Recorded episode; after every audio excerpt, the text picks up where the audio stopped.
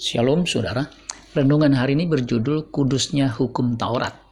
Roma 7 ayat 12 dan 14. Jadi hukum Taurat adalah kudus dan perintah itu juga adalah kudus, benar dan baik. Sebab kita tahu bahwa hukum Taurat adalah rohani, tetapi aku bersifat daging, terjual di bawah kuasa dosa.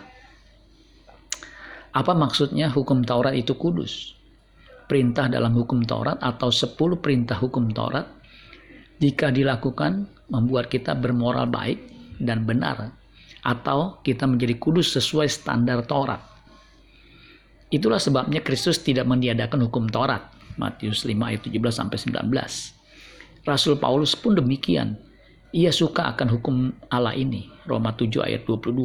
Bahkan Paulus bernasar bahwa ia tidak ingin meniadakan hukum Taurat. Kisah para Rasul 21 ayat 21 sampai 26.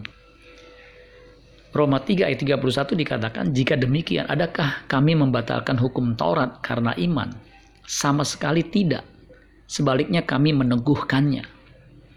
Jadi jelas bahwa hukum Taurat diberikan untuk memperbaiki umat Allah yang menaatinya. Ulangan 4 ayat 40, berpeganglah pada ketetapan dan perintahnya yang kusampaikan kepadamu pada hari ini, supaya baik keadaanmu dan keadaan anak-anakmu yang kemudian, dan supaya lanjut umurmu di tanah yang diberikan Tuhan Allahmu kepadamu untuk selamanya. Secara umum, orang yang berpegang pada hukum Taurat memiliki kehidupan dan keluarga yang baik di tengah-tengah masyarakat.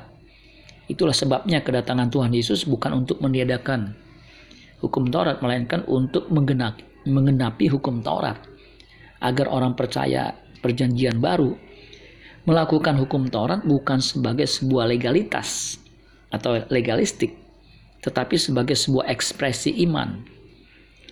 Kita diselamatkan karena anugerah melalui iman, bukan karena perbuatan baik. Orang yang memahami hal ini akan memiliki kebaikan yang sejati, bukan legalistik. Orang percaya yang demikian disebut sebagai orang yang memiliki kehidupan keagamaan yang melebihi ahli-ahli Taurat dan orang Farisi. Matius 5 ayat 20. Karena hukumnya adalah Tuhan sendiri.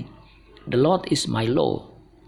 Bukan hanya tuduh apa yang dikerjakan, tetapi sudah menjadi tubi atau natur, kodrat yang menyatu dalam dirinya. Orang yang demikian di mana pun dan dalam keadaan apa pun tetap baik ia akan membawa keteduhan, tidak melukai siapa pun, baik dengan perkataan maupun perbuatan.